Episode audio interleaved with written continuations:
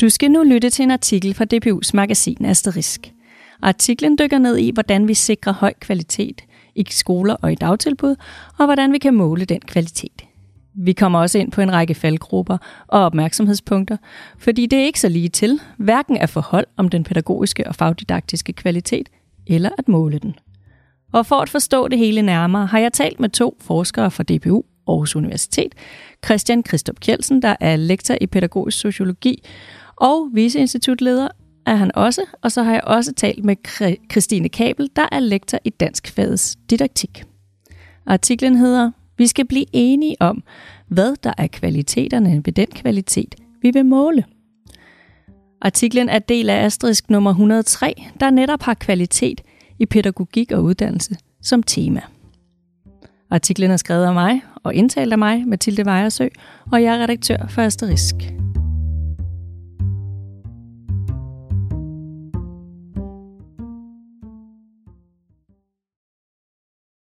Artiklen indledes med et citat fra Mette Frederiksen. Det kommer her. Hun siger, Er vi helt sikre på, at det er vigtigt at skrive en bacheloropgave, når man skal være pædagog? Jeg er 100% sikker på, at der ikke er nogen børn, der kan bruge det til noget som helst. Jeg er helt sikker på det. Hvorfor er det, vi har taget den akademiske verden ned på pædagogstudiet egentlig? Når det, man skal, er noget andet. Nemlig, man skal have et fag. I mine øjne et håndværk. Sådan lød det i statsminister Mette Frederiksens afslutningstale ved en såkaldt uddannelsessalon på Marienborg i november 2021, hvor uddannelsesfolk var inviteret til en dialog om regeringens planer for den pædagogiske sektor. Her udtrykte statsministeren altså, at pædagogik i hendes optik er et håndværk, og at en akademisk viden derfor intet har at gøre på pædagoguddannelsen. Christian Kristjup Kjeldsen, der er lektor i pædagogisk psykologi og viceinstitutleder på DBU Aarhus Universitet, er lodret uenig. Han siger, det mener jeg er forfejlet. Hun putter forskellige videnstyper ind i samme kategori, og der bliver tegnet et billede af praksis over for teori. Og det er en af de sejlivede dualismer, der ikke holder en meter, siger han og tilføjer. For at blive den dygtige praktiker, bliver man nødt til at have teoretisk indsigt. Man skal gå på to ben og være i stand til, på baggrund af teoretiske indsigter, at gøre det rigtige i praksis. Hvis ikke man har teorien, så får man ikke tilstrækkelig udvikling i praksis, siger han. Han mener, at Mette Frederiksen opstiller en forfejlet modstilling, og det bringer ikke flere professionelle og dygtige pædagoger til praksis. Professionelt, siger han, betyder ikke, at man nøjagtigt ved, hvad man skal gøre, men at man er i stand til, på baggrund af sin erfaring, teoretiske forståelse samt indsigt i faget såvel som målgruppe at træffe begrundet valg, og så handle ud fra sin samlede dømmekraft, siger Christian Kristrup Kelsen. Han mener, at Mette Frederiksen med sit udsagn deprofessionaliserer pædagogprofessionen, og det er ingen tjent med. Han siger, det er meget komplekst at være professionel pædagog i dag. Man skal håndtere børn med meget forskellige baggrunde og diagnoser – hvis ikke man har den teoretiske ballast med sig, så ender det med, at alle får den samme behandling. Professionel betyder, at man gør sit job godt. Det indebærer, at man kan formidle sin viden, begrunde og sandsynliggøre sin valg, og det er den forventning, vi som forældre og samfund i dag har til pædagoger. Vi forventer, at de er kompetente til deres job. Den pædagogiske kvalitet i dagtilbud handler derfor i høj grad om, at der er kompetente og professionelle voksne, der har øje for barnets trivsel og udvikling og relationer, og så er man opmærksom på eventuelle udviklingsforstyrrelser, pointerer Christian Kristof Kjeldsen. Når man sætter sig for at undersøge kvaliteten i dagtilbud, så må man først og fremmest drøfte, hvad man lægger, lægger vægt på i samspillet mellem børn og pædagoger. Det spørgsmål åbner for en kritik af det amerikanske måleinstrument ESER eller ECER, der blandt andet måler på sikkerhed og andre forhold, som man normativt set i en amerikansk kontekst tilskriver kvalitet. Men ikke nødvendigvis i en dansk børnehave. I dansk sammenhæng er det kvalitet, at ungerne har frirum til at lege på legepladsen, fastslår Christian Christop Jensen. Derfor, siger han, kommer man aldrig til endegyldigt at kunne sige, det her er udtryk for kvalitet. Men under forudsætning af, at vi kender til institutionerne og til landets individuelle kvalitetsforståelser og mål, så kan vi måle kvaliteten i dagtilbud. Men det gør det svært at sammenligne pædagogisk kvalitet i dagtilbud på tværs af lande og kulturer, fastslår Christian Christop Kjelsen. Han peger på, at når vi taler om kvalitet i pædagogik og uddannelse, er vi nødt til også at tale om balancer. Vi må opveje, om vi skal gøre mere af det ene eller det andet. De overvejelser skal ske i et professionelt fællesskab, bestående af repræsentanter fra professionerne og fra policy, altså politikere og embedsmænd. Men vi skal også have moralfilosofien med til at afgøre, hvad der normativt set udgør pædagogisk kvalitet, mener Christian Christop Kjeldsen. Her kan forskningen bidrage. Han siger, det skal være en afhandling mellem interesser.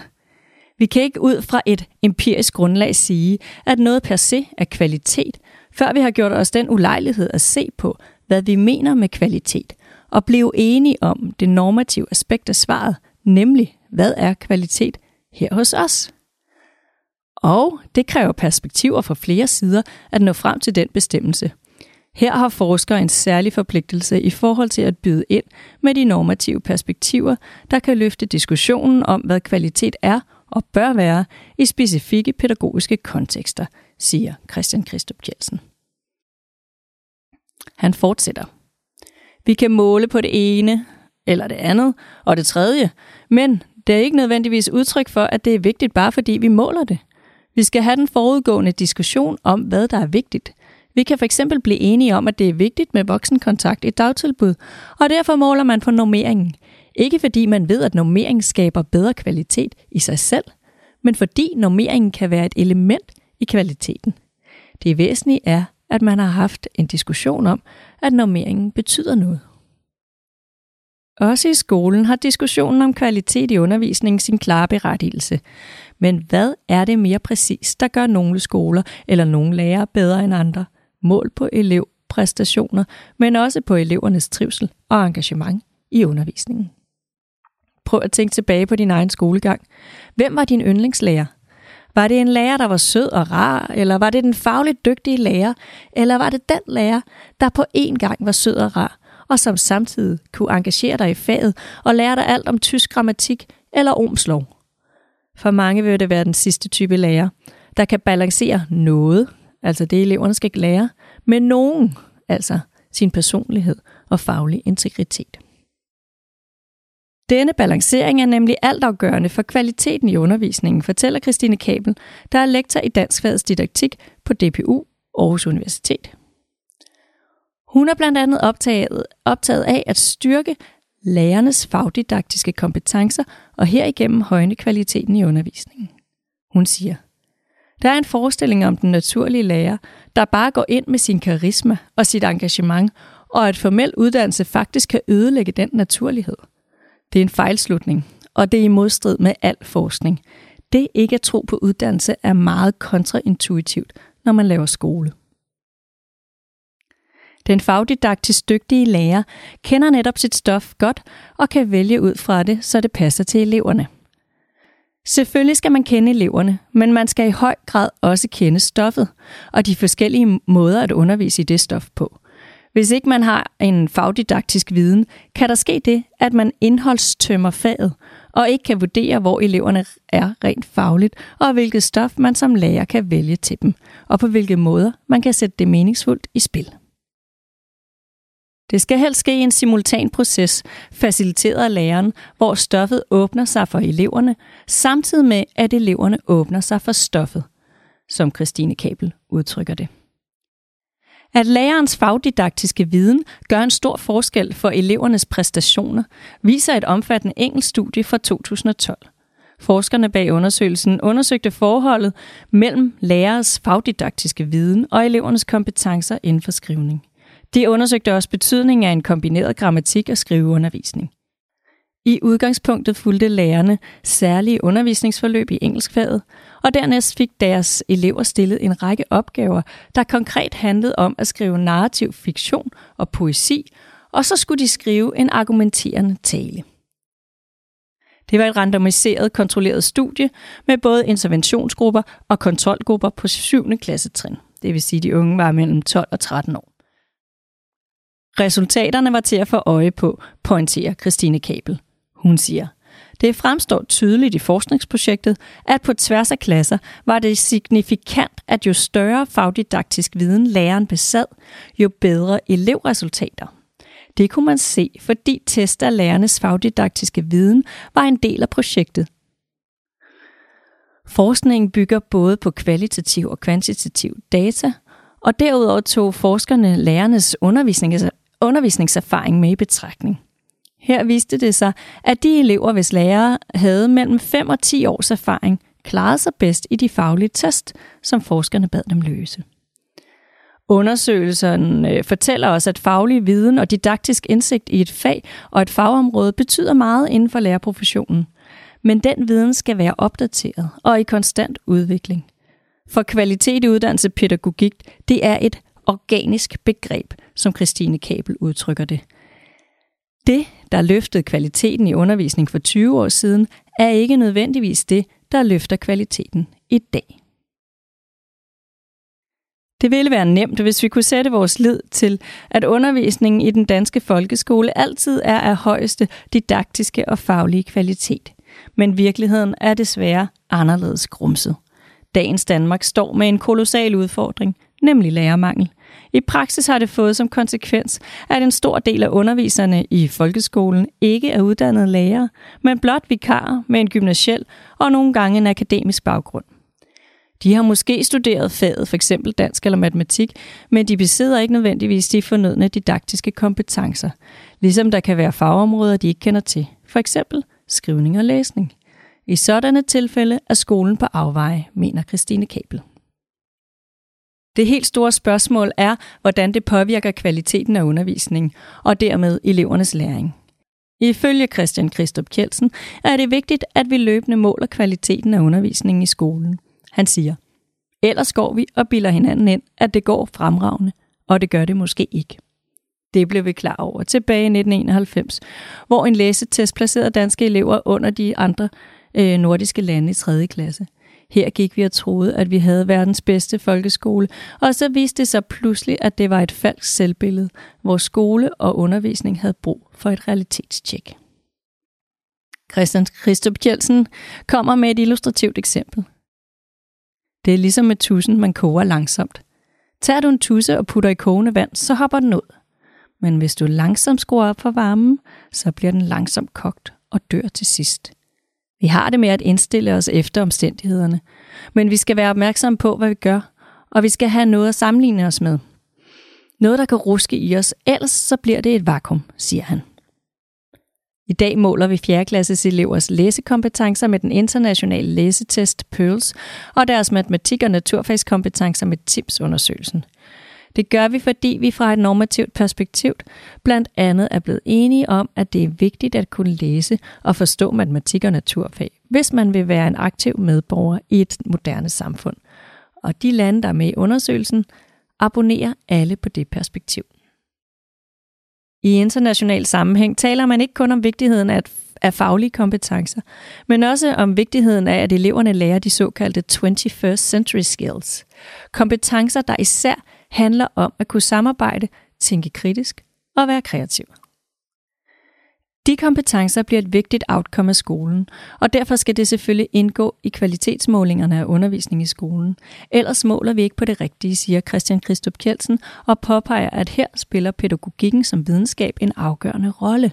Han siger, det er i sidste ende et politisk ærne at beslutte på national plan, hvad vi opstiller som kvalitetsparametre i skolen og i dagtilbud men beslutningen skal være informeret og den pædago- af den pædagogiske videnskab, siger han. Han opsummerer sin pointe i følgende citat, der kræver, at man som læser holder tungen helt lige i munden. Her kommer det. Man kan godt måle kvalitet, Men man skal først blive enige om, hvad der er kvaliteterne ved den kvalitet, man vil måle.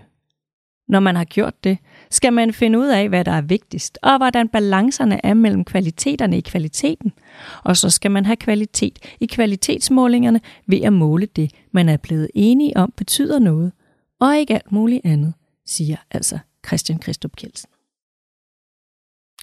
I vores forsøg på både at styrke og måle kvaliteten af undervisningen, er det imidlertid væsentligt, at vi finder en balance mellem målinger, som i skolesammenhæng oftest vil være tester elever, og lysten til at lære og øve sig, herunder også fejle, understreger Christine Kabel. Hun siger, Bliver bedømmelsesdelen styrende, kan det hindre øvedelen. Læreren skal balancere i det, og først og fremmest prøve at finde en undervisning, der giver eleverne mulighed for et engagerende møde med stoffet. Elevpræstationer er kun én måde at måle kvalitet på. En anden kunne være at spørge ind til elevernes oplevede kvalitet. I begge tilfælde opstår imidlertid et problem, påpeger Christine Kabel. Hun siger, Elever er ikke troværdige kilder, i den forstand, at de kun kan sige, hvad de oplever som kvalitet i undervisningen lige nu og bagudrettet. De kan ikke overskue, hvad undervisning betyder for dem i et fremtidsperspektiv. Det er ikke sikkert, at det, de lærer, er meningsfuldt for dem lige nu, men det kan det blive. Det er ikke en lukket hændelse, siger hun og fortsætter. Derfor bør vi have forbehold i forhold til at spørge til elevernes mening og måle kvalitet på den måde, ligesom vi af samme grund må have et forbehold over for at bruge elevpræstationer nu og her som kvalitetsmarkører. I efteråret 2022 landede der en rapport fra de økonomiske vismænd, der foreslår, at vi belønner de dygtigste lærere i folkeskolen. Altså et forslag om differentieret og funktionsopdelt lønstruktur. Det skabte umiddelbart ramaskrig på lærerværelserne og i folkeskolen DK's debatspalter. Men det er faktisk ikke en helt ny tanke, lyder det fra Christine Kabel. Hun siger, vi har allerede differentieringer lokalt. For eksempel er der læse- og matematikvejledere på skoler, og der er forskellige løntillæg, blandt andet til disse funktioner – men man kunne godt forestille sig, at nogle særligt kompetente lærere eller pædagoger, som har tilegnet sig en viden og indsigt gennem efteruddannelse, kunne facilitere faglige diskussioner i forskellige teams, for eksempel i fagteam. På den måde mener hun, vi både lykkes med at tiltrække og fastholde flere lærere og pædagoger til professionerne. Det handler blandt andet om at kende målgruppen, påpeger hun. Hun siger, vi står med en ungdomsgeneration, der gerne vil kunne se en udvikling i deres karriere, også selvom de har valgt at uddanne sig inden for en profession. De vil have mulighed for at forlade faget igen efter nogle år, og så måske vende tilbage til praksis med solid viden, og på den måde være med til at udvikle praksis eller skabe udvikling i sektoren som helhed. Måske kan vi til med at imødekomme rekrutteringsproblemerne inden for både pædagog- og lærerfaget, hvis vi gennem uddannelse skaber tydelige karriereveje inden for professionerne. Veje, som peger både ind, og, ind i, op, gennem og ud af praksis, og måske tilbage igen, fastslår Christine Kabel. Christian Ristrup Kjeldsen er åben for ideen og taler i den forbindelse om funktionsopdeling, som han mener vil give det kvalitetsløft til både den pædagogiske og uddannelsesmæssige praksis og sektor. Han siger, der er forskel på en pædagogmedhjælper og en pædagog, og der er forskel på den nyuddannede og den mere erfarne pædagog, ligesom den pædagog, der har været på efteruddannelse, kan noget særligt. Hvis man har et særligt ansvar for udviklingstiltag i kommunen, øh, i kommunens børn- og ungdomsforvaltning, eller i et dagtilbud, eller på en skole, så skal der mere uddannelse til, siger han. Specialisering er en måde at øge kvaliteten, og samtidig en måde at holde lærer og pædagoger i professionerne. Mange af dem vil gerne specialisere sig og tager gerne den efteruddannelse, de kan få, siger Christian Christoph Kjeldsen og tilføjer. Men så er vi altså nødt til at tale om et tabuiseret emne inden for både pædagog- og lærerfaget. Nemlig at vi indfører anerkendende strukturer, der giver mulighed for differentieret løn og nye titler i professionerne. Den strukturelle ændring vil på sigt bidrage til at løfte den faglige, den didaktiske og den pædagogiske kvalitet i landets dagtilbud og på skolerne.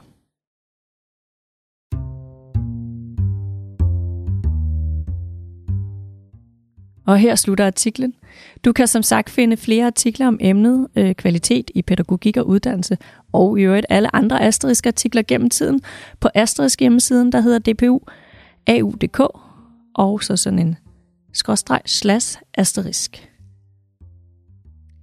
Det er også der, du tilmelder dig som abonnent. Det er gratis at abonnere på Asterisk, så øh, fortæl det gerne videre, hvis du kan lide det, du hører. Tilbage er der blot at sige tusind tak, fordi du lyttede med.